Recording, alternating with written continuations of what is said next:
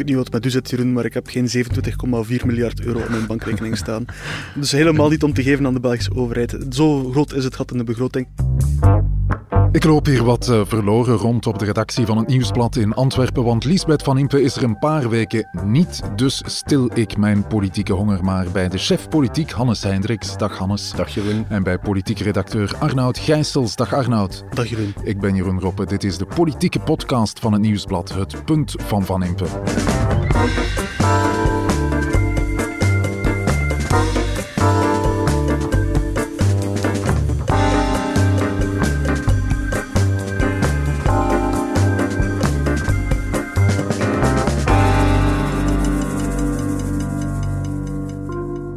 Hannes Arnoud, ik hoop dat jullie even graag wijn drinken als Lisbeth. Uh, want Lisbeth die is even hors combat. Ik zeg het in het Frans, want uh, ik heb een Franse wijn bij. Ah, ik dacht dat we enkel uh, Belgische wijnen deden. Inderdaad, podcast. maar dit is ook een beetje een Belgische wijn, want hij wordt gemaakt door een Erwin de Vriend, een Gentenaar, die trouwens ook actief is in de Gentse politiek. Kijk eens aan. Um, voilà, een Claude Desfrères, een Vaqueras uit het zuiden van Frankrijk. Dus daar zijn heel wat Belgische wijnmakers actief.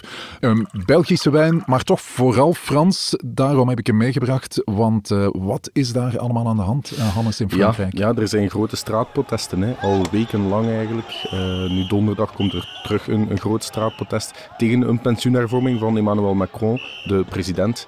Ja, het, het, land ligt eigenlijk plat op dit moment. Er wordt geen afval meer opgehaald. In Parijs lopen er intussen meer ratten rond dan er Parijzenaren rondlopen, blijkbaar. Dus Emmanuel Macron zit met een groot, groot, groot probleem. problem. Ja, Arnoud, jij let hier uh, op de redactie op het geld. Hoe zit het met uh, het uh, geld van ons land eigenlijk? Of ik op de redactie voor het geld zorg, dat durf ik niet te zeggen. Daar word ik te weinig voor betaald. Maar ik kan u wel zeggen dat het met de staatsfinanciën niet zo goed gesteld is. Het is miljarden in het rood. En oké, okay, goed, we hebben een paar miljard minder in het rood dan oorspronkelijk gedacht, maar het gat blijft gigantisch. Ja, we maken er een punt over zometeen. Woke of anti-woke, dat is ook een beetje de question vandaag. Hannes, waar heb jij het meeste schrik van eigenlijk? Well, ik denk dat we op dit moment in beleid meer anti-woke zien terugkomen dan woke. We hebben het erover hier naar aanleiding van de kunstrel hier in Antwerpen. Ik denk dat ja, de beslissingen van het Schepencollege vooral anti-woke zijn en woke weinig ja. of niet terug te vinden is. We gaan van start met een punt zonder Van Impe.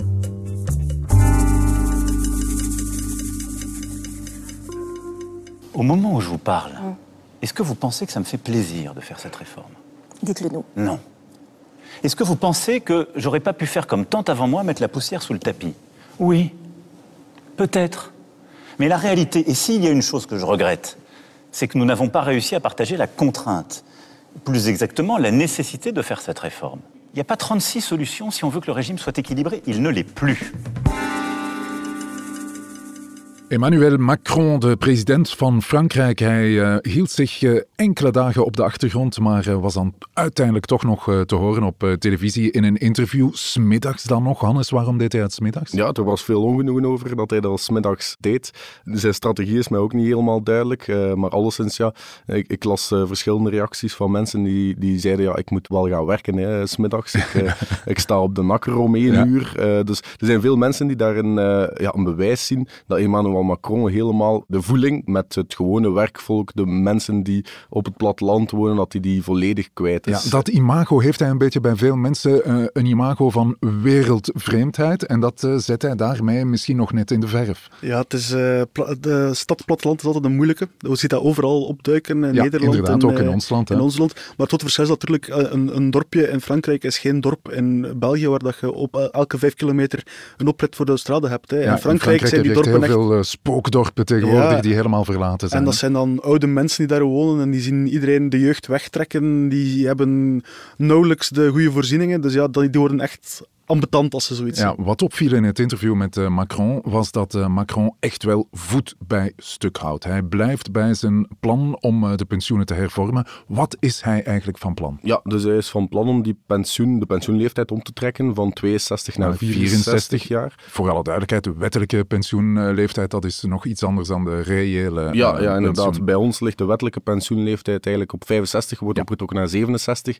Maar onze reële pensioenleeftijd, dus de leeftijd waarbij mensen echt op pensioen gaan, ligt eigenlijk lager bij ons dan, dan in Frankrijk. Ehm, maar in Frankrijk leeft hetzelfde debat als bij ons, namelijk ja, de pensioenen, we steken daar miljarden in, dat kost ons heel veel als samenleving. Hoe houden we dat betaalbaar in de toekomst voor de toekomstige generaties? Dus ja, in die zin heeft um, Emmanuel Macron wel een punt als hij zegt, ja, daar moet iets aan gebeuren. Ook daar zitten ze met een groot tekort, dus ik ga die pensioenleeftijd wat optrekken. Natuurlijk, de manier waarop hij dat dan gedaan heeft, namelijk gewoon die hervorming doorgevoerd zonder het parlement daarbij te consulteren, dus er heeft niemand in Frankrijk daar op een stemknopje mogen duwen, dat is wel iets anders dan bij ons. Bij ons wordt daar breed over gedebatteerd, eh, er wordt gezocht naar een compromis tussen zeven verschillende partijen, je, je kan erop vloeken. In Frankrijk is gewoon één man die daar van op zijn troon beslist, ik ga dat doen. Dus en... zelfs een man die geen meerderheid heeft in het parlement, wat ook meespeelt natuurlijk, want Macron weet als ik ermee het parlement ga, dan ga ik moeten chipoteren en marchanderen en luisteren naar al die mannen van links tot rechts. Als ik dat nu gewoon per decreet doe, dan heeft er niemand iets over te zeggen. Heeft hij dat dan onhandig aangepakt, Hannes? Wel ja, of hij het onhandig aangepakt heeft, ik denk dat vooral zijn eigen bedoeling is om herinnerd te worden als een man die toch hervormingen heeft doorgevoerd. Le président réformateur. Ja. ja, inderdaad. Ik denk dat dat vooral zijn voornaamste doel is. En dat hij bij zijn eigen kiespubliek, dat zijn vooral mensen die al gepensioneerd zijn of hoogopgeleiden, die er niet echt mee in zitten om twee jaar langer te werken, dat hij daar ja, wel bij scoort. Ja, de grote vraag is natuurlijk, ja, je hebt blijkbaar 75% van de Fransen die tegen die hervorming zijn, die op dit moment al vooral voor een extreemrechtse partij stemmen van Marine Le Pen of voor links, extreem links uh, gaan stemmen. Ja, wat die mensen gaan doen richting 2027. Emmanuel Macron kan dan zelf niet meer herkozen worden, want hij is al twee keer president ja. uh, geweest. Uh, dus ja, het kan misschien wel goed zijn voor de persoonlijke carrière van Macron, zijn imago als hervormer. Maar ja, waar gaan we in 2027 dan mee eindigen? Met een extreem rechts of een extreem links leider? Ja, dus wat jij zegt is, eigenlijk trekt Macron zich dat helemaal niet aan. Ja, nee, nee. Hij gaat hier voor zijn persoonlijk gewin en niet zozeer voor de toekomst van, uh, van Frankrijk. Hè. En intussen zijn er protesten overal in het land, niet alleen in Parijs, maar ook in, uh, in alle grote steden eigenlijk. En je hebt het gevoel dat er toch meer aan de hand is, hè? dat het om meer gaat dan enkel die pensioenhervorming. Het gaat over een verontwaardiging. Hè? Je zit ook met... De Franse presidenten hebben altijd de neiging om nogal Napoleon 4-5 te worden. Maar uh, ja, deze is gewoon van een, een soort arrogantie ja. die de landelijke bevolking niet kan smaken. Ja, Hannes, in ons land zijn ze ook bezig de pensioenen te hervormen. Of uh, dat dachten we toch. Het minimumpensioen is ja. al uh, opgetrokken. Maar er zal toch nog een en ander moeten gebeuren. Heeft wat er in Frankrijk gebeurt op dit moment een invloed daarop? Wat, wat er in Frankrijk gebeurt, heeft altijd een invloed op België. Als het uh, regent in Parijs, druppelt het in Brussel. Uh, maar het druppelt vooral nog in uh, Charleroi en Namen, denk ik. Ja. Um, bij de Partie Socialist, die ja, de grootste zegt, partij is. Charleroi zegt ook de voorzitter van de partij, dat Paul, is Paul Magnet. Paul Magnet. Als je de Franse pers erop naleest, ja, dan zie je dat de Franse situatie echt wel een hot topic is. En als je dan denkt, ja, de federale regering zit in die onderhandelingen over de pensioenen, ja, dan denk ik wel met dat... minister van pensioenen. Ook Karine Nalieu. Dan denk ik wel dat de PS in de situatie in Frankrijk een extra argument ziet om de zaken te gaan blokkeren. Er zijn er enorm veel mensen die daar in Frankrijk op straat komen. Een, een links geïnspireerd protest tegen een liberale premier die wil gaan besparen op de pensioenen en de pensioenleeftijd wil optrekken. Ja, ja hier in, in België zien we eigenlijk hetzelfde. De liberalen willen dat de pensioenen betaalbaar blijven, willen daarop gaan besparen. Ja, ik denk dat Paul Magnet nu wel een extra argument heeft om stokken in de wielen te gaan steken. Mogen we nu met zekerheid stellen dat er van de pensioenhervorming in ons land niks in huis komt? Om te beginnen denk ik dat het sowieso al moeilijk ging geweest zijn. Het was niet dat PS zich echt coulant aan het opstellen was in die onderhandelingen. Als er ooit een pensioendeal komt in België, zal die waarschijnlijk niet zo ingrijpend zijn en zal er een wisselwerking moeten zijn met een grote fiscale hervorming, want dat is wat PS echt wil. Oké, okay, Macron in de problemen in Frankrijk, dat is een duidelijk eerste punt. En dat is een reden voor de Belgische PS om op de rem te gaan staan ja. wat de pensioenhervorming in ons land betreft. Als je nu een liberale premier bent in België, wat Alexander de Croo is, dan zou ik toch uh, ja, een beetje boos zijn op uh, mijn goede vriend Emmanuel Macron, die misschien wel voor zijn eigen gewin een pensioenhervorming kan doorvoeren, maar ja, daarmee eigenlijk uh, de mensen op straat heeft gejaagd en daarmee in België eigenlijk een pensioenhervorming bemoeilijkt heeft. Het punt van Van Impe.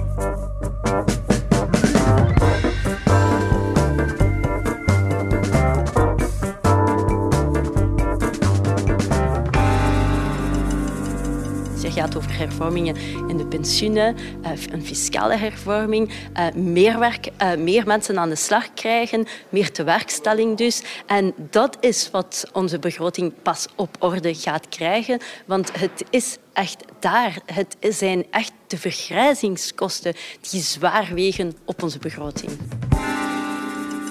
Staatssecretaris Alexia Bertrand legt uit hoe we er financieel voor staan in ons land. Niet goed, zo blijkt. En dat komt omdat we alsmaar met meer mensen zijn die in de hoogste leeftijdscategorie zitten. En willen we iets doen aan dat gat in de begroting, dan moeten we hervormen, zegt de staatssecretaris.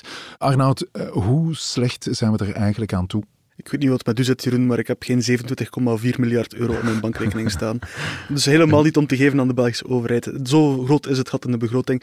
En op zich je moet erbij zeggen, dat was beter dan oorspronkelijk begroot. Want oorspronkelijk dachten ze dat we boven de 33 miljard gingen Ja, dat is een verschil van 6 miljard. Dat is toch een, een behoorlijk verschil, zou ik zo zeggen. Ja, ik weet het, maar goed. Dat is dan misschien niet zo dramatisch, maar het blijft nog altijd behoorlijk iets, dramatisch. Iets waar de regering voor alle duidelijkheid weinig verdienst aan heeft. Hè. Uh, het is uh, doordat de energieprijzen gedaald zijn op internationaal niveau, dat we eigenlijk ja, een budgettaire meevaller van, van 6 miljard hebben.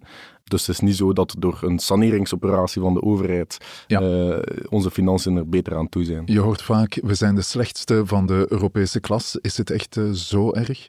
Het gaat natuurlijk over prognoses. Je kunt nooit 100% zeker zijn, maar volgens sommige prognoses doen we het slechter dan Griekenland.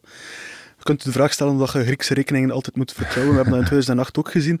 Maar het is in elk geval echt geen plek waar je wil staan als België. Zeker niet omdat de rentes aan het stijgen zijn. Dat betekent dus ook dat we op ons gat en onze begroting op termijn veel meer geld zullen moeten betalen. Ja, slechter dan Griekenland. Arnoud, moet ik dan vrezen voor uh, Griekse toestanden in ons land? Nee, dat denk ik nu niet onmiddellijk. Allee, je hebt natuurlijk experts die zeggen van we gaan naar een muur enzovoort ja. zo verder. Maar wel, België is op zich een rijker land dan Griekenland. Er is er veel meer geld. Er is op zich wel ergens in de financiële markt wordt wel rekening mee gehouden, maar ja. oké, het is toch geen goede situatie waar dat je wilt zitten, want op een gegeven moment zal de regering moeten saneren of moeten belasten en hoogstwaarschijnlijk beide. Ja, deze week buigt iedereen zich over de cijfers, want het is uh, begrotingscontrole. Wat gaan ze eigenlijk doen, Hannes? Wel, dat is eigenlijk een redelijk technische aangelegenheid. Ze gaan kijken of dat de begroting die ze opgemaakt hebben in oktober, of dat daar uh, dingen moeten aangepast uh, worden.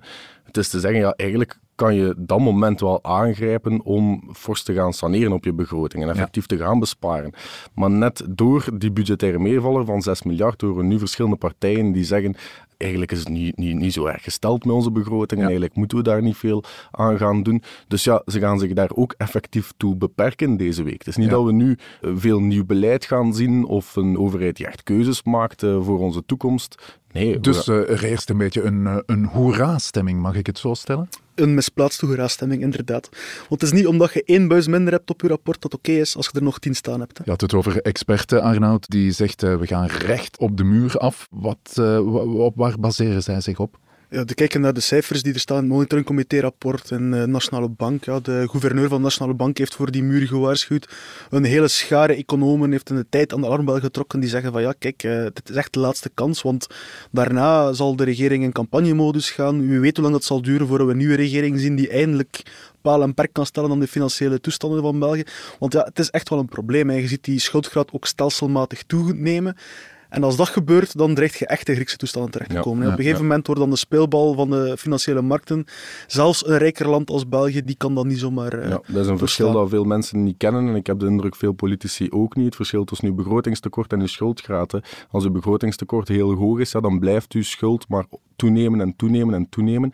Als dan ook nog eens uw rente stijgt, zoals nu op dit moment het geval is, ja, dan komt er nog elk jaar schuld en schuld en schuld bij. Ja, om een duur raakt het geld. En dat is ook vooral duidelijkheid, op, dat, dat, gaat niet alleen over de rekeningen van de staat. Dat gaat ook over van, is er marge voor nieuw beleid? Als er nog een keer ja. een crisis uitbreekt, kan de regering dan nog een keer de portefeuille fameus opentrekken om de problemen op te lossen? Kunnen ze investeren in militaire apparatuur? Kunnen ze investeren ja. in de snelwegen, in de NMBS enzovoort enzovoort? Ja, en toch is er die hoera-stemming. Hannes, mag ik stellen dat de geest van Matto nog altijd in de wedstrijd ja, rondwaalt? die zei dat het uh, gat in de begroting er vanzelf gekomen is en En vanzelf dus ook vanzelf zou, eh, zal verdwijnen. verdwijnen. Ehm, ja, dat denk ik eigenlijk wel. Daarmee kan je het, eh, kan je het wel vergelijken. Eh, het grote verschil is dat je dat nu ook bij liberalen ziet eigenlijk. Ja, je zit daar met een liberale staatssecretaris voor begroting, Alexia Bertrand, die er eigenlijk als enige missie had ja, die begroting wat op te smukken om daar toch ja, naar buiten te komen met een, een structurele verbetering. Ja, nu die 6 miljard is verbeterd, eigenlijk door externe omstandigheden. Dus ik merk bij de liberalen van ja, kijk, we hebben ons, eh, ons ding gedaan. Bij de socialisten merk je dan weer van Ja. ja, eigenlijk, eh, eigenlijk moeten we niet veel meer gaan doen. Dus het feit dat ze nu ook die eh, grote hervormingen, zoals de hervorming van de fiscaliteit, de belastinghervorming, de pensioenhervorming, hebben ze losgekoppeld van die begrotingscontrole, gaan ze na de paasvakantie pas doen. Ehm, dan denk ik, ja, als je die twee niet samenneemt met je begroting en ervoor zorgt dat die effectief gaan bijdragen tot het opvullen van dat begrotingstekort, Ja. ja. dan denk ik dat je genoegen neemt met de begroting die er op dit moment is en die hervormingen ziet als ja, een soort groot compromis om elkaar wat tegemoet te komen en niet zozeer iets aan die geldkwestie wil doen. Goed, ik denk dat we een tweede punt hebben. Hè. Die 6 miljard, is een eh, meevaller die eh, beter uitvalt dan eh, verwacht. Maar het is alweer een reden om niks te doen, Arnoud. Inderdaad, en deze regering van zeven partijen had al heel moeilijk om iets te doen. Ik denk dat ze hun polletjes gekust hebben toen dat ze het rapport van het monitoringcomité zagen binnenvallen. 6 miljard bespaard zonder een vinger uit te steken, maar dat is wel een zeer selectieve lezing wat er daarin staat. 27 miljard en dan even in het rood staat. Klopt. Daar kun je echt niet gelukkig mee zijn. Het punt van Van Impe.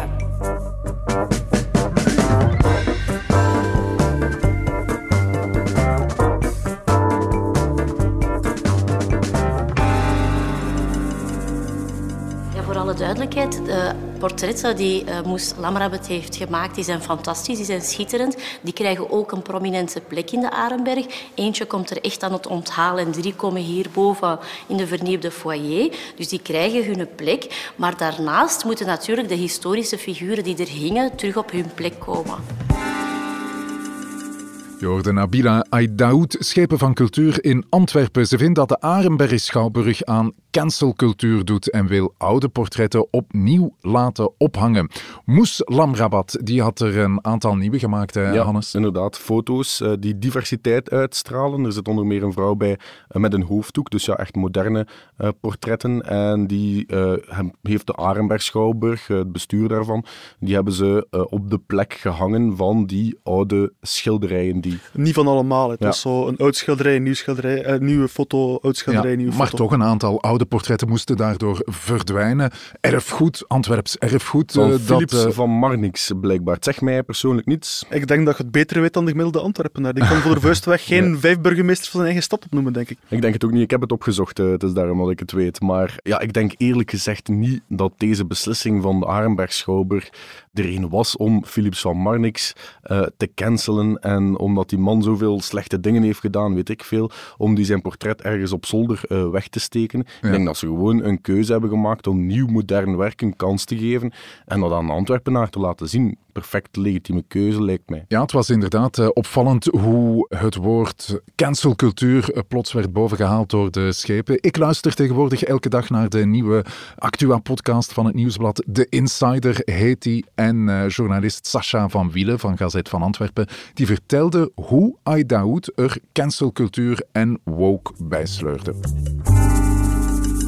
En dan neem je contact op met de bevoegde schepen. En dat was eigenlijk een tweetrapsreactie. Ja. Dus de, de eerste reactie ging eigenlijk vooral over ja, de statige trappenhal, daar mag je niks aan veranderen, maar hè, de foto's komen nog wel op andere plekken. En ja, een half uur later krijg ik de woordvoerder van de schepen terug aan de lijn met de mededeling dat de schepen het toch nog wel iets scherper wou stellen. Mm. En toen kwam de verwijzing naar cancel culture. Hmm. Waarop dat ze eigenlijk zegt van ja, ik ga niet meewerken aan het wissen van de Antwerpse geschiedenis. Aan deze cancel culture wil ik niet meewerken. Ja, serieus uh, statement van de schepen die van NVA-signatuur is. Moet ik daaruit uh, concluderen dat ze even met de voorzitter, burgemeester heeft gebeld? Dat kan bijna niet anders. Hè. Ze heeft ook bijna zeker zijn boek gelezen over woke. Ja, jij hebt het ook gelezen, Ik heb het ook gelezen. Jij ook, uh, ja, Hannes? Ja, ja, inderdaad. Ja. Ik moet eerlijk zeggen, op uh, vrijdagavond doe ik liever andere dingen naar de voetbal gaan of op café zitten. Maar plichtbewust als we zijn, hebben we allebei het ja. boek gelezen. Ja, Bart de Wever, de voorzitter van NVA, heeft dus een boek geschreven over woke, zo heet het ook. Hij zegt daarin heel straffe dingen. Hè. Het is een sluipend gif, zegt hij, uh, woke. Ja, we ehm, komen zelfs aan de rand van de burgeroorlog te staan, volgens, uh, volgens Bart de Wever. Ja, ik vind dat hij in zijn boek wel voornamelijk Amerikaanse voorbeelden aanhaalt, uh, waar woke eigenlijk is ontstaan als een, als een beweging. Ja. ja. hij ziet het dan als een soort doorgedreven wakkerheid voor... Ja, voor alle duidelijkheid, woke staat voor wakker worden, opletten voor uh, gevoeligheden, Van de ogen openen voor uh, discriminatie en opkomen voor gelijke kansen. Eigenlijk. Maar dat is natuurlijk niet hoe dat Bart de Wever het probleem ziet. Hè. Het gaat erover van dat je te ver doorschiet, dat je blijft hangen in een soort slachtofferschap en dat je vindt dat alles dat vroeger een gemeenschap heeft gemaakt, nu plotseling gecanceld moet worden.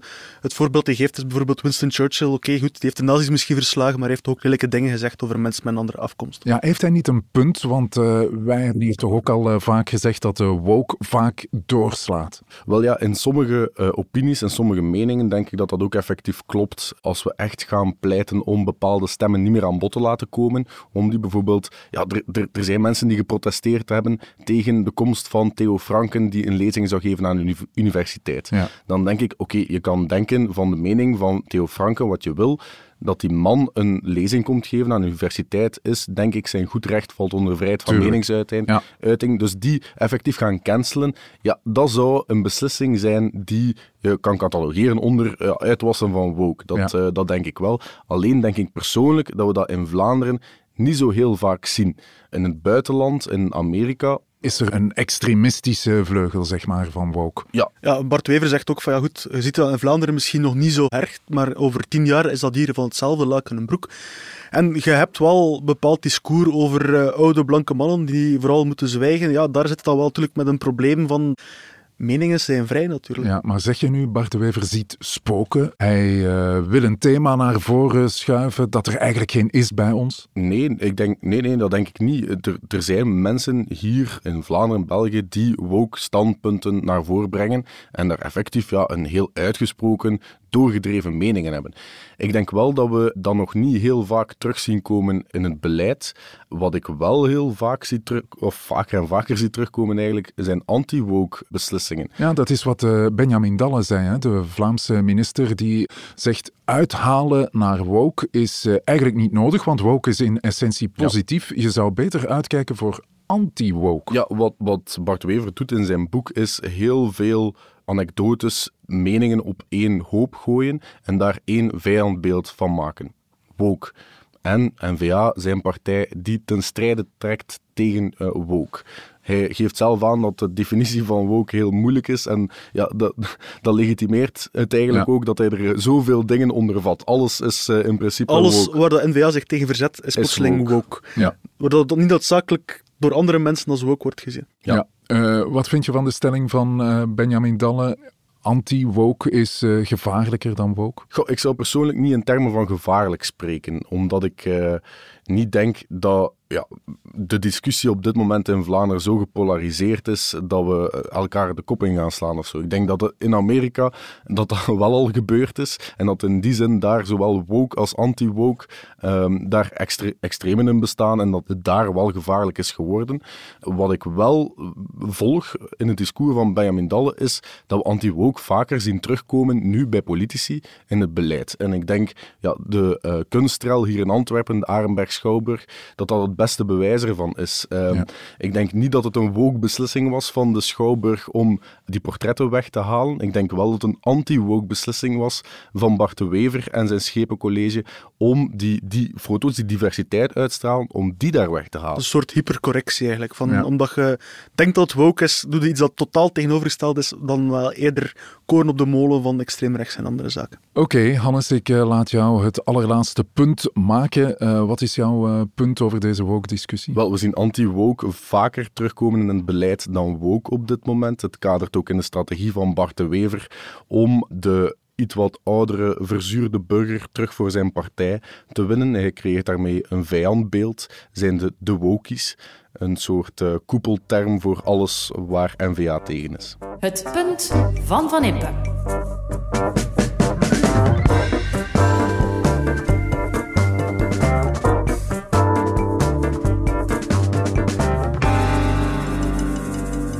Intussen hebben wij eh, genoten, Arnoud, van deze Claude Frère, een eh, Belgische wijn uit Frankrijk. Moeten we misschien vaker doen, hè? Eh, Franse wijn drinken. Ik word er niet zo heel vaak uitgenodigd, dus als je dat doet, mocht mij zeker opnieuw uitnodigen. Ja, we zijn de smaak niet gewoon. Het is Syrah Grenache, maar ik vind het een geweldige wijn. Het zijn ja, druiven die je in België niet vaak We zullen nog wel laten staan voor Lisbeth. Ja, dat zullen we zeker doen.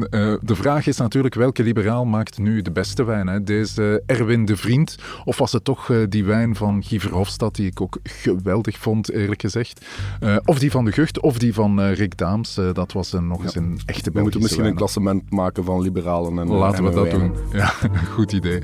Oké, okay, dankjewel Arnoud, dankjewel Hannes. Dit was het punt van Van Impe. Je hoorde de stemmen van Hannes Hendricks en Arnoud Gijsels.